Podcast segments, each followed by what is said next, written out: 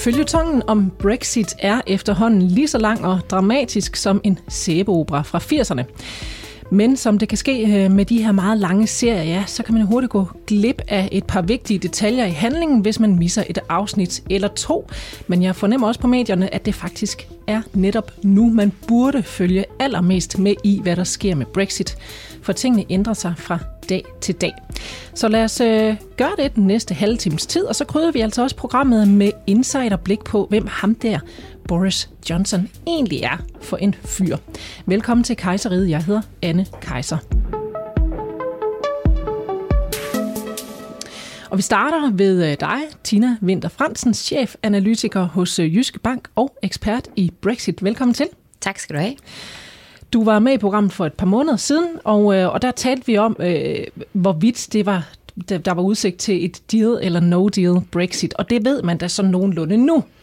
Øh, så kan, kan du ikke give os en øh, opsummering på, hvor vi står med Brexit lige nu? Altså det vi i hvert fald ved, det er, at no deal Brexit i dag, som jo faktisk var den øh, oprindelige øh, Brexit-dato her den 31. oktober, det er ude af verden. Øh, det bliver ikke. Men hvad der kommer til at ske senere, er faktisk stadigvæk uafklaret.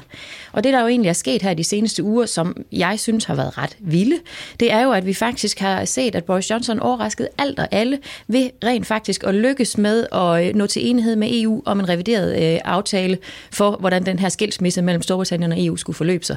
Godt nok så hakkede han en hæl, klippede en tog og faktisk gik tilbage til noget genbrug, som øh, britterne tidligere havde, øh, havde afvist. Øh, men i hvert fald lykkedes det ham at nå i mål med den her aftale, og vi kom endda så vidt, at han lykkedes at få et flertal i det britiske parlament, noget som både han og Theresa May jo tidligere har prøvet mange gange, og det endnu aldrig er lykkedes at få det britiske parlament til at bakke op om noget som helst i den her langstrakte Brexit-saga. Det lykkedes faktisk for ham, men sejrens sødme blev kort, som vi også har kunne følge i medierne, medierne de seneste uger, hvor øh, parlamentet jo meget hurtigt stemte nej til den her tidsplan, øh, fordi de ligesom vurderede, at de tre dage, der var lagt op til, det var alt, alt for kort tid til, at de rigtig kunne gå igennem den her øh, skilsmisseaftale, som jo er det, det mm. vigtigste stykke lovgivning i Storbritannien i 40-50 år eller noget i den retning. Og derfor står vi jo altså nu i den situation, at han måtte opgive sit forhævne om at få Brexit til at ske den 31. oktober, og i stedet for står vi altså med øh, et nyvalg her den, øh, den 12. oktober. Og faktisk så er det jo i dag på optagetidspunktet her, den 31. oktober. I morgen skulle, der have, skulle det ligesom have været effektueret, men det er så udsat nu. Øh, og det kommer vi også til at kigge nærmere på, hvad der så kommer til at ske i den, i den kommende tid. Men hvis vi tager lidt kig på hovedpersonen Boris Johnson, som han forkortet hedder. Han har et lidt længere navn, men altså Boris Johnson kender vi ham under. Øh, hvor, hvor stor en magt har han så i hele den her proces og i alt det, der sker nu i Brexit? Jamen, han har spillet en rigtig, rigtig vigtig rolle, øh, kan man sige. Og det er, øh, som jeg også indledte med at sige, ret enestående, at det faktisk lykkedes ham at finde opbakning i det britiske parlament. Men det var jo så ikke tilstrækkeligt til, at øh, der var opbakning til, at, at man kunne køre processen hurtigt nok igennem, og derfor måtte vi have den her øh, nye forlængelse. Og så må vi jo bare sige, at Boris Johnson jo nu har spillet sig selv lidt ud på sidelinjen igen ved det, at han i min optik har foretaget et kæmpe øh, gambling her med at udskrive øh, et nyvalg. Fordi nu er det jo så op til vælgerne at sammensætte et nyt parlament, og det han håber på, det er jo så selvfølgelig, at han får et flertal, fordi det konservative parti har jo ikke flertal i det nuværende parlament. Det ønsker han selvfølgelig sådan, så han kan få den her øh, Brexit-aftale stemt igennem på den anden side af et valg, formentlig i, øh, i starten af januar, at det han gerne vil. Men det er jo langt fra givet, at det går ligesom øh, præsten prædiker, mm. altså at han lykkes med at kapitalisere på de her gode meningsmålinger, der er i øjeblikket. Fordi han håber jo selvfølgelig på, at det forspring, han har i meningsmålingerne, i øjeblikket står de konservative til omkring 36 procent af stemmerne, og det er omkring 12 procent point mere mm. øh, end Labour, øh, at det vil være tilstrækkeligt til, at han får et, øh, et flertal. Øh, og det vil det også være øh, formentlig, hvis meningsmålingerne stadigvæk ser sådan ud, øh, og valget ender på den måde den 12. december. Men det er jo langt fra livet. tid til den 12. De december. kan nå at flytte sig øh, voldsomt meget, øh, og det så vi jo så sent som i 2017, da Theresa May jo udskrev valg i, øh, i utide, øh, kan man sige, fordi hun troede, at hun kunne kapitalisere på de her gode mm. meningsmålinger. På det tidspunkt var hun 15 procent point foran øh, Labour i meningsmålingerne. Det vil sige, at hun var altså endnu mere foran, end Boris Johnson er i øjeblikket. Mm. Og alligevel så endte hun faktisk op med øh, at miste sit flertal i det britiske parlament. Hun gik faktisk 14 mandater tilbage ved det her valg. Øh, og det var jo så det, der gjorde, at, at hun stod i en situation, at hun øh, var afhængig af de her nordirske mandater fra det her lille parti, der hedder DUP. Øh, og derfor ikke øh, kunne lykkes med at få sin øh, udtrædelsesaftale stemt igennem øh, parlamentet i, øh, i tre forsøg. Og vi kan bestemt ikke udelukke, at øh, Boris Johnson ender i den samme situation den her gang.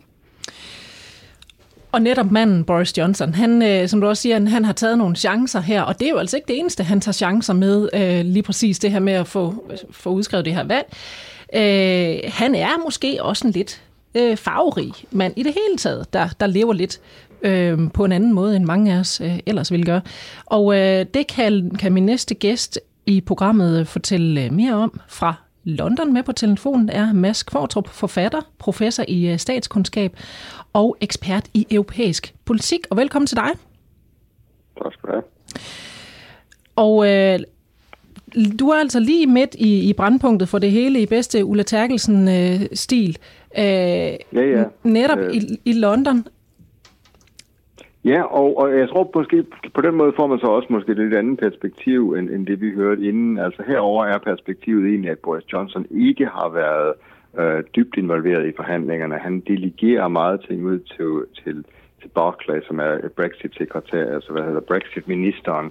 Og Boris Johnson er, skal vi sige, den, der måske mere tager på de overordnede linjer. Det er ham, der sådan er showman. Det er ham, der, der øh, spiller første violin, mens øh, hele orkestret øh, sørger for, at melodien følger med der. Mm. Så, så Boris Johnson er ikke en mand, der er kendt for detaljerne. Uh, og, uh, og han er så måske også på den måde mere en, en showman. Men hvis vi ligesom skal gå tilbage til manden Boris Johnson, mm. så er han en, en meget, meget anderledes. Han hedder Boris de Pfeffel Alexander Johnson. Han er, uh, hans, hans oldefar var en, en tyrkisk politiker. Han har russisk familie også. Uh, og, og det er sådan ligesom baggrund. Han har så gået på Eton, som er den dyreste skole. Det koster 60.000 om året og 60.000 pund i, uh, i øvrigt. Uh, og, og gå på Eton, så kan du gange med 10, så 600.000 i, i skole skolepenge. Så det kan vi sige, at familien har været relativt velstående. Han har så læst latin på universitetet i fire år, og, øh, og ofte og hans familie, hans far, hans søster, hans søster er journalist, taler ofte latin derhjemme. Så det, det er måske nogen ting, man ikke gør. Han har så også et ret, ret farverigt liv. Han har, han har arbejdet som kommentator og journalist. Han har været EU-korrespondent for Daily Telegraph på et tidspunkt. Øh, og i, i de der kommentarer, han skriver, har han skrevet mange ting. Han har omtalt muslimske kvinder som postkasser. Øh, øh, farvet i Afrika kalder, kalder han folk med picanini smiles. Mm. Uh, og, uh, og så har han indrømmet, at han har taget kokain, han har et par uh, uægte børn, hister her. Uh, og, uh, og så er han også uh, kendt for uh, og haft nogle, nogle situationer, hvor han på et tidspunkt, var redaktør, fik, var der en, han ikke kunne lide, og så fik han tæskeholdet, der bogstaveligt talt ind til at tage ud for at banke den her mand. Øh, politiet har været tilkaldt til hans lejlighed på grund af øh, husskemysler. Øh, så han, øh, han, han, han har et ret farverigt liv. Noget, han faktisk selv er opmærksom på. Altså, øh, i, en gang tidligere i britisk historie har vi haft en, en, en politiker, der hedder Disraeli, som var succesfuld altså sådan en øh, knaldromanforfatter. Og Boris Johnson har også skrevet knaldromaner, og en af de knaldromaner, han har skrevet, det handler om en politiker, der har flere uægte børn, som tager lidt stoffer, som ikke rigtig har nogen politisk overbevisning, og som i øvrigt har en praktikant, der hedder Cameron. Øh, så han har skrevet den der sådan halv selvbiografisk roman, som faktisk udlægger alt, alt hvad han, han sådan set er. Så han er sådan en, en, en underlig reflekteret politiker. En af de ting, han for, for, for nylig kom i kambolage med, han har været borgmester i London, og som borgmester i London fik han så, havde han nogle, nogle handelsdelegationer, og en dame, der var med til de her handelsdelegationer, var en dame, som, øh, som han så også... Øh, ja, så til synlighed havde et forhold til. Uh, man kan sige, at han sandsynligvis brød nogle regler, fordi han så fik hende her med, fordi hun ikke rigtig havde nogen forretning, og hun er ikke bare sådan en... Uh, en erhvervskvinde på den samme måde, som hun har sagt, men hun blev så spurgt, hvordan, hvordan, charmerede, hvordan charmerede Boris Johnson sig ind på og så sagde hun, det var fordi, jeg så, han læste Voltaire, så han læser altså i, på, i, i, i originalteksten øh, franske filosofer og mm. sådan nogle ting der. Så han er sådan en, en, en, en intellektuel levemand, øh, uden, der ikke er sådan bebyrdet af de altså sådan store ideologiske kababler. Han vil gerne have magten. Han sagde på et tidspunkt, han omtaler sig selv som, som Alexander den Store. Mm. Det er hans mellemnavn. Folk, der kender ham, sådan privat, kalder ham Al. Uh, og uh, så han er en fascinerende uh, politiker, men også en, der har nogle lige i lasten, uh, og, uh, og måske på en måde, som, som ingen andre politikere faktisk har i Vesteuropa. Og nu siger du så, det er, altså, du er i London, og, og billedet på ham er måske en lille smule anderledes øh, der, end, end det vi øh, ser her i, i Danmark. Øh, for mig at se, der er han, han er en underlig øh, sammensat, altså en meget intellektuel øh, belæst type, og dog sådan en bølle, der sender tæskehold efter andre. At, hvordan ser man på ham øh, i Storbritannien? Jamen, jamen altså, det kommer så an på, hvor, hvor du står, han er sagt. Hvis du er en af de konservative, så er det, det er lidt ligesom Donald Trump og sådan nogle der, ikke? Uh, hvor, hvor hans, uh, hans tilhængere vil tilgive ham alt og sige, nå jamen, Boris will be Boris, og, og så acceptere, at han er, som han er. Uh, og folk, der ikke kan lide ham, altså folk, skal vi sige, på venstrefløjen primært, og, og folk, der er imod Brexit, øh, lægger ham jo alle de her ting til last. De siger, hvordan kan vi have en mand, der omtaler muslimske kvinder som, som, som postkasser og, øh, øh, og siger altså, faktisk værre ting om, øh, om, om farvet, altså, altså, som, som ofte siger racistiske, homofobe og, øh, og, øh, mm. øh, og sådan islamofobiske ting. Altså det, det, det, det er sådan, man, man undrer sig over det, men altså, det er så også det, at han, han er på en mange måder øh, altså utrolig charmerende. Jeg har mødt ham nogle gange og, og blevet i øvrigt, da jeg gik på universitetet og blev advaret mod at have noget som helst med ham at gøre. Og det var på et tidspunkt, inden han overhovedet var politiker.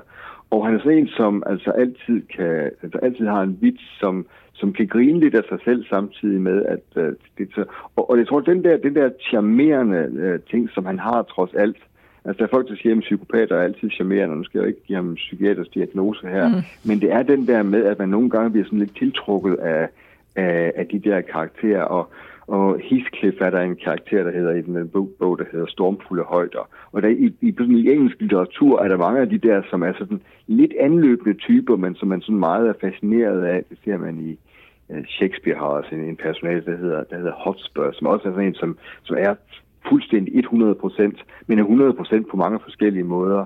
Og jeg tror, på den, det er på den måde, han er. Altså nu kan han godt lide at samle sig selv med Alexander den Store, Alexander Store bygget imperium. Det er Boris Johnson gør så sindssygt imperiet mindre. Altså det er muligt, at Skotland også skrider nu her. Men han har den samme, det der en kombinationen af at være levemand, være sådan en street fighter, og samtidig også en, en belæst type, som, som læser ting i, i originalen på latin. Men nu siger du så, jamen altså, han, øh, han øh, kalder muslimske kvinder for postkasser og øh, farvet for, for, for det, der er værre, og samtidig siger du også, hvordan kan man overhovedet, øh, øh, altså hvordan kan man have en mand på, øh, på toppen, som, som siger sådan nogle ting. Altså hvis Mette Frederiksen øh, udtaler sig på den måde, så er jeg ret sikker på, at, at hun ville nok blive øh, sat til ansvar for det. Er det bare den her charme her, han, han klarer den igennem med? Nej, jeg tror, det har så også noget at gøre med, at Brexit for mange folk er sådan et, øh, en, en ting, som er sådan en religiøs overbevisning simpelthen. Ikke? Øh, altså hvis man nu ser i Danmark, at man havde et andet valgsystem, og at, at man så øh, og havde et, et, et, det førende parti var, altså det, det, altså det konservative parti var jo på var tidligere noget i retning af Venstre. Uh, nu er det så blevet sådan højrefløjen af, af Dansk Folkeparti, og, og måske langt ind i, uh, i nye borgerlige og endda stram kurs. Og hvis man har et parti, og der er folk, der har meldt sig ind i partiet, fordi de, de var bare Brexit overbeviste. Og Boris Johnson, som var egentlig oprindeligt ikke specielt Brexit-orienteret, faktisk under valgkampen, sagde, at vi godt kunne have sådan en Norge-aftale, altså ligesom blevet den altså bannerføreren for, for det der. Og det er de her nye medlemmer, de konservative, og det er de konservative medlemmer, der har valgt ham. Øh, de, øh, de, de er sådan helt op i det røde felt, eller, eller blå felt, skal man måske sige, mm. og, øh, og, og vil acceptere alt, bare man får det igennem. Og den, den aftale, man har fået, er jo faktisk, altså, faktisk mindre det er jo faktisk den, han har stemt imod flere gange, og så en mænd, der er mindre end det. Altså, det er den samme aftale, men nu med, at Irland eller Nordirland øh, i, i, i realiteten, det er i hvert fald sådan, som Nordirland ser det, øh, bliver holdt uden for EU, altså næst, eller i hvert fald bliver inde i EU, mens Storbritannien, resten af Storbritannien øh, er, øh, er på den anden side af hegnet. Mm. Øh, så der kan man sige, at altså, der forhandlingstaktisk, jeg var i Irland den dag, hvor aftalen øh, kom i hus, og, øh, og irerne kunne slet ikke få armene ned. Altså, de sagde, at nu har han kapituleret, kapituleret i forhold til, øh, til de 20 May har sagt. Men Boris Johnson er så også heldig med, at den britiske presse, altså det er så den Daily Telegraph, som han tidligere selv har arbejdet for, Daily Mail, Daily Express, nogle af de der uh, aviser, The Sun, uh, så altså 60 procent af de britiske aviser er, uh, er sådan entydigt for, altså for Brexit og, uh, og opfatter Brexit som, uh, altså ret temmelig urealistisk, når det så bliver sådan stillet, måske stillet over for de økonomiske realiteter, så siger jamen det er jo bare sådan en skræmmekampagne, og, øh, og folk, der ikke er patriotiske. Øh, og jeg tror på den måde har han ligesom, fordi han er sådan en, der går ind i folk med træsko på, øh, har, han, har han overbevist folk om, at jamen, det er det, der skal til, og nogle gange har, så er der brug for en stærk mand. Og det, det er den der lidt autoritære tendens, som man ser for eksempel i Ungarn og i Tyrkiet og sådan nogle ting. Den spiller han lidt med på. Øh, altså, øh, så, så, så, så det, har, det har noget med det at gøre, men det er også, som det blev sagt tidligere, så meningsmålingen tyder på, at han kan få 36 øh, procent. Så er det noget taktisk stemmeafgivning og, og så videre. Så det er ikke, der, der, der sådan et valg, det er selvfølgelig ikke overstået endnu. Mm. Men jeg tror, det er ret realistisk, at han kan vinde et valg, men ikke mere, man har ikke få mere end 6, 36 procent af stemmerne. Men det vil være nok under vores valgsystem herover til at han kan få et flertal. Mm. Men det betyder jo så også samtidig, at der er, der er 64 procent af befolkningen, der ikke kan lide ham. Valget der, det kommer vi lige øh, tilbage til om et øjeblik, men ja. øh, Tina Vinder Fransen, øh, som øh, Jyske Banks ekspert i Brexit, øh, så, så skal du også lige opsummere mig på nogle ting her, fordi som vi lige øh, sagde i dag, på optagetidspunktet 31. i 10. I morgen bliver programmet øh, udgivet, og det er så den første i 11. Altså det, der faktisk er selve Brexit-dagen. Og det er det jo så alligevel ikke, som du sagde. Øh, de her udsættelser, som vi har set nogle gange nu, hvor, hvor lang tid kan det egentlig blive ved? Jamen i princippet så har vi jo kun en udsættelse, der hedder tre måneder. Det vil sige, at Brexit er egentlig planlagt til, så skal gennemføres den 31. januar til næste år. Endda med mulighed for, at britterne kan træde tidligere ud, hvis de når i mål med at få ratificeret eller godkendt den her udtrædelsesaftale hurtigere end som så. Men det er jo klart, det kommer jo fuldstændig an på, hvordan det går med det her valg. Mm. Øh, og valget kan man jo sige, måske bliver en eller anden form for en surrogat folkeafstemning omkring EU, fordi vi må formode, øh, at der vil være rigtig mange, der sætter deres kryds øh, efter, hvordan de føler, at Storbritanniens forhold skal være til EU, altså at det er Brexit, der kommer til øh, at bestemme, hvor krydset kommer til at stå med mindre Jeremy Corbyn øh, får, øh, får held med sin strategi, fordi det han gerne, øh, gerne vil, det er, at vi skal tale om alt andet øh, end Brexit. Øh, han vil gerne i stedet for øh, tale økonomisk politik, vi skal have gang i øh, og skal skabt nogle bedre vilkår for, øh, for den menige øh, britte, kan man sige. Han vil gerne øh, nulstille kapitalismen, øh, eller noget i den retning. I mm. hvert fald, han fører en meget venstreorienteret øh, Labour-politik, kan man sige, og prøver at trække dem yderligere til venstre, og håber på, at han kan gøre det samme, som han gjorde i 2017 ved den valgkamp, der var der, hvor han jo faktisk formået via den her øh, økonomiske politik blandt andet at få overbevist især en lang række unge britter om, at de skulle sætte deres kryds for Labour. Øhm, og dermed jo egentlig indhentet rigtig meget på det konservative parti. Det håber han på at gøre igen. Øhm, og det er jo altså det her valg, der kommer så til at afgøre, hvordan Brexit kommer til at udspille sig. Og vores holdning har egentlig Jyske Bank hele vejen igennem, lige siden folkeafstemningen, været, at det vil lykkes at nå i mål med et velordnet Brexit. Men jeg vil da blankt indrømme, at det har set noget svært ud øh, indtil for, for få uger siden, mm. øh, kan man sige, øh, og hvor, hvor man... Øh, frygtede mere og mere, at det kunne ende i det her øh, no-deal Brexit, altså hvor britterne crashede ud af EU uden en aftale. Den er ligesom øh, sparket til hjørne nu, mm. men risikoen er der altså stadigvæk på den anden side af det her valg. Det kommer, hvis øh, det her Brexit-party under ledelse af Nigel Farage, som jo egentlig går efter en strategi, der siger, jamen Storbritannien skal ud uden en aftale. Hvis de klarer sig godt og formår at fiske nogle stemmer fra det konservative øh, parti ved det her valg, så kan vi altså risikere, at no-deal Brexit igen kommer på, øh, på dagsordenen. Hvad er lige på den der? Ja, Mads? Ja, det, det, det tror jeg faktisk, det, den er faktisk ikke meget sparket til hjørnet. Jeg tror, den er sparket ud af stadion, den der med, med no-deal Brexit. Vi Boris går til, til valg på at have sine aftaler, og hvis det er Labour, der kommer til, så vil det være, så vil det være deres aftale, som så også kommer til folkeafstemning. Men for at man kan få en no-deal Brexit, det vil kræve, at Farage simpelthen skal vinde valget. Og det svarer lidt til i danske forhold, at nye borgerlige skal få absolut flertal. Så det tror jeg, det tror jeg, jeg tror, den der med en no-deal Brexit, tror jeg, er, er, er afværget her, og det er også derfor, der overhovedet bliver, bliver ud, nu, altså udskrevet nyvalg, fordi man er en håndfæstning om, at der ikke kan blive noget no deal. Det spørgsmål er, om det bliver Boris' aftale, eller, eller en aftale, som, øh, som Corbyn eventuelt måtte få senere. Det er perspektivet herover i hvert fald. Det håber jeg også, du har ret i, øh, og, og det øh, må vi jo afvente og se, fordi vi har jo egentlig øh, i løbet af den næste uge har vi jo egentlig fået signalet fra øh, Nigel Farage og, øh, og de andre i, øh, i Brexit Party, der ligesom vil komme ud med den strategi, de har tænkt sig at føre.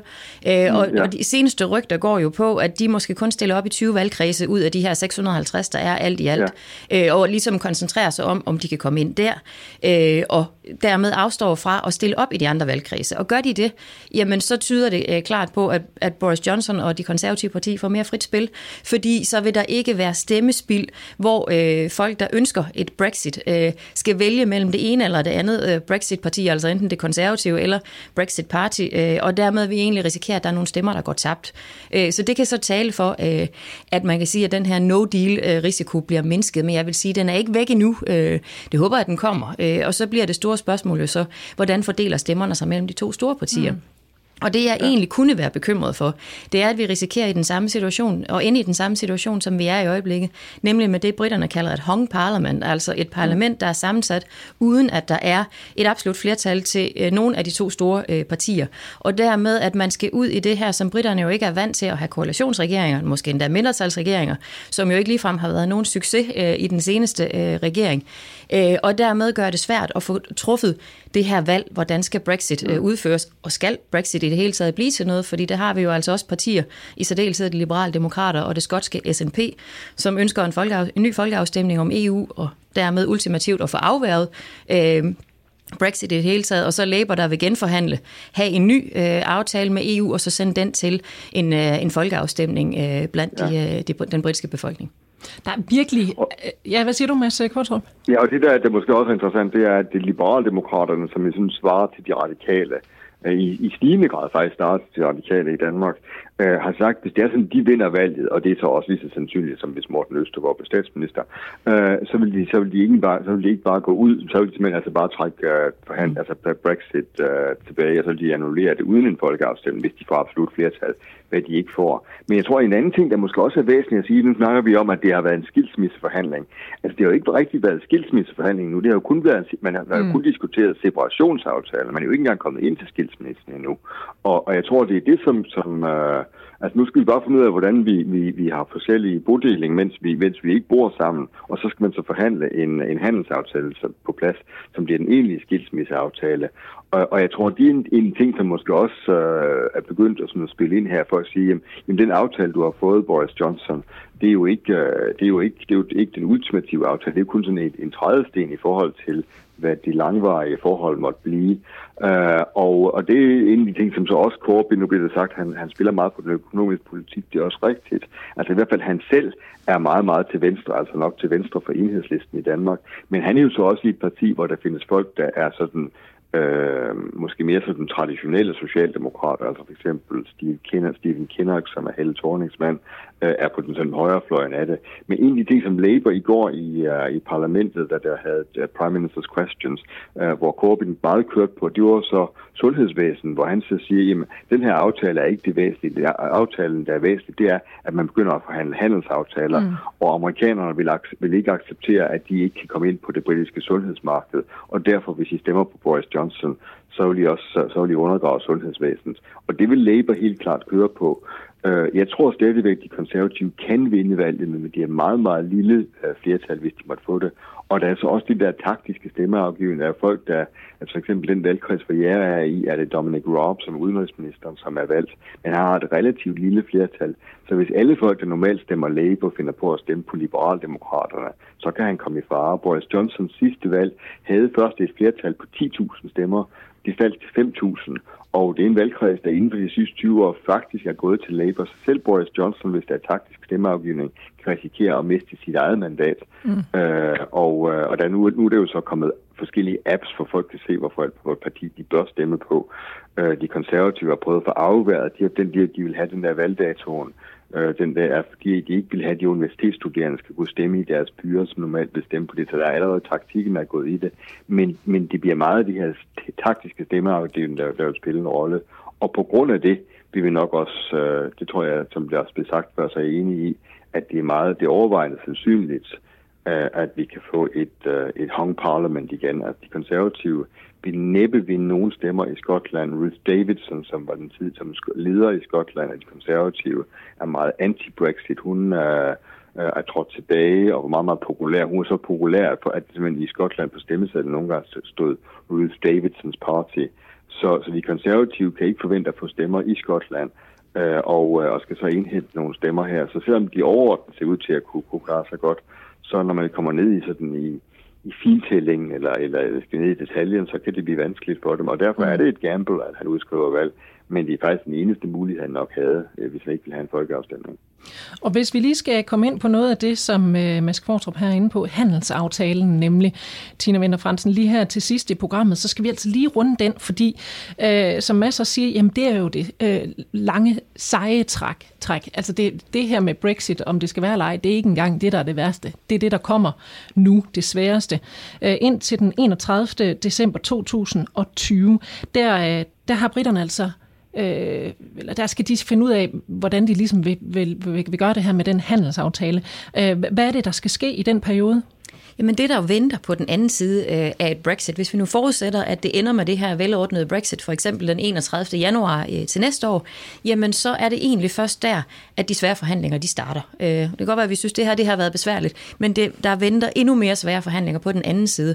Og det kommer til øh, at være meget tidspressede forhandlinger også, for som du selv er inde på, jamen så er der jo en overgangsfase, som træder i kraft øh, efter Brexit, når det sker på velordnet maner, og den øh, kører egentlig kun indtil udgangen af 2020, det vil sige, det er et lille år, man har, så er der så godt nok mulighed for at forlænge den en enkelt gang med to år. Det vil sige, at der er tre år maksimalt til at forhandle en handelsaftale på plads, og det er altså meget, meget lidt, øh, når man tænker på, hvor lang tid det normalt tager at forhandle en handelsaftale på plads. Øh, senest har EU indgået handelsaftaler, for eksempel med Kanada og Japan. Begge dele har taget syv år øh, at nå øh, i mål med, med enighed om det, og det har taget ekstra et år at få det implementeret. Mm. Øh, og derfor er det meget svært at forestille sig, at det faktisk kan lade sig gøre at nå i mål på så kort tid. Øh, og det er også nogle store og svære øh, spørgsmål, som britterne skal stille sig selv, øh, når de skal finde ud af, hvad det er, de vil i de her øh, handelsaftale-forhandlinger. Øh, Fordi på den ene side vil man jo gerne øh, tage kontrollen tilbage. Det er jo det, der egentlig har været det store øh, buzzword i de her øh, Brexit-forhandlinger øh, og i valgkampen osv.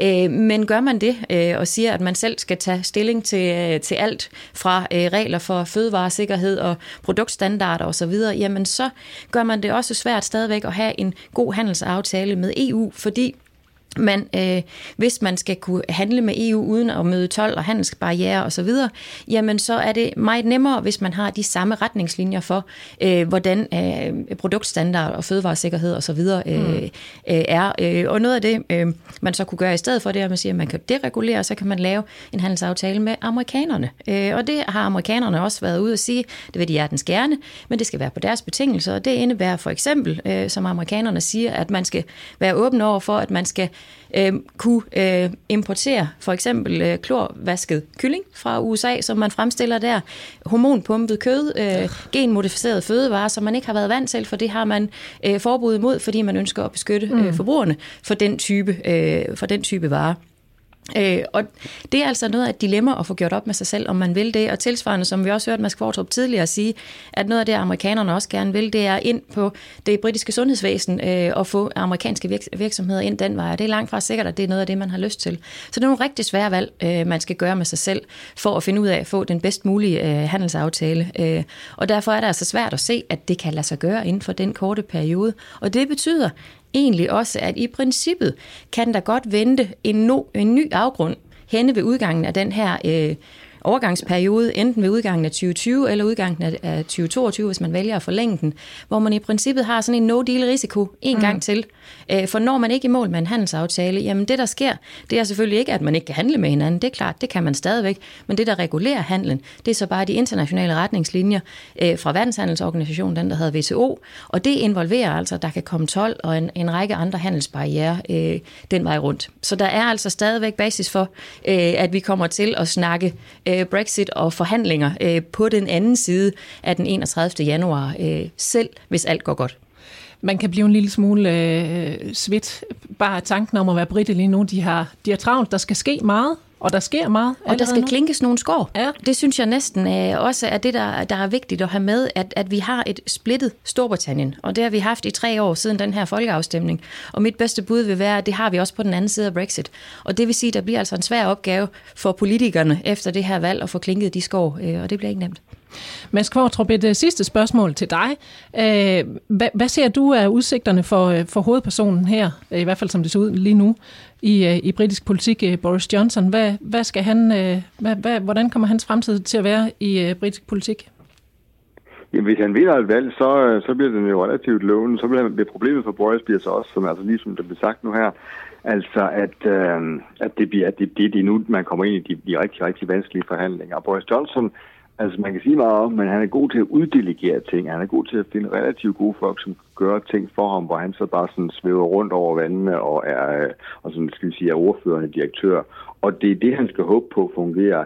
Det jeg vil frygte, hvis jeg var ham, det er, at han, når han kommer ind i sådan i realitetsforhandlingerne, jamen, så er det ikke nok at være charmerende og, øh, og være sjov og med i, i, i, i programmer på tv og den slags. Så skal man altså også til rigtigt at lave politik, og, mm. Øh, og det tror jeg bliver ganske vanskeligt for ham. Altså, jeg tror, der er en, en altså næsten surrealistisk, urealistisk opfattelse af, hvor let det her vil blive. Og folk, der sådan er Brexit, øh, altså, det, er jo, det er jo en gammel britisk sport, at man sætter kigger den for det blinde og så bare fortsætter med at bombe løs.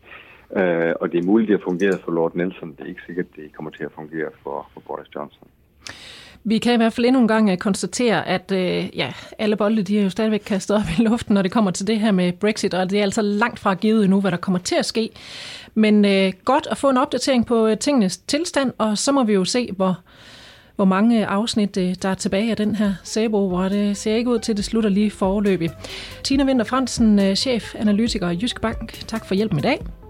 Velbekomme. Og også uh, tak til dig, Mads Kvartrup, forfatter, professor i statskundskab og ekspert i europæisk politik, fordi du uh, gav os et uh, indblik i, hvad Boris Johnson er for en mand og, uh, og politiker.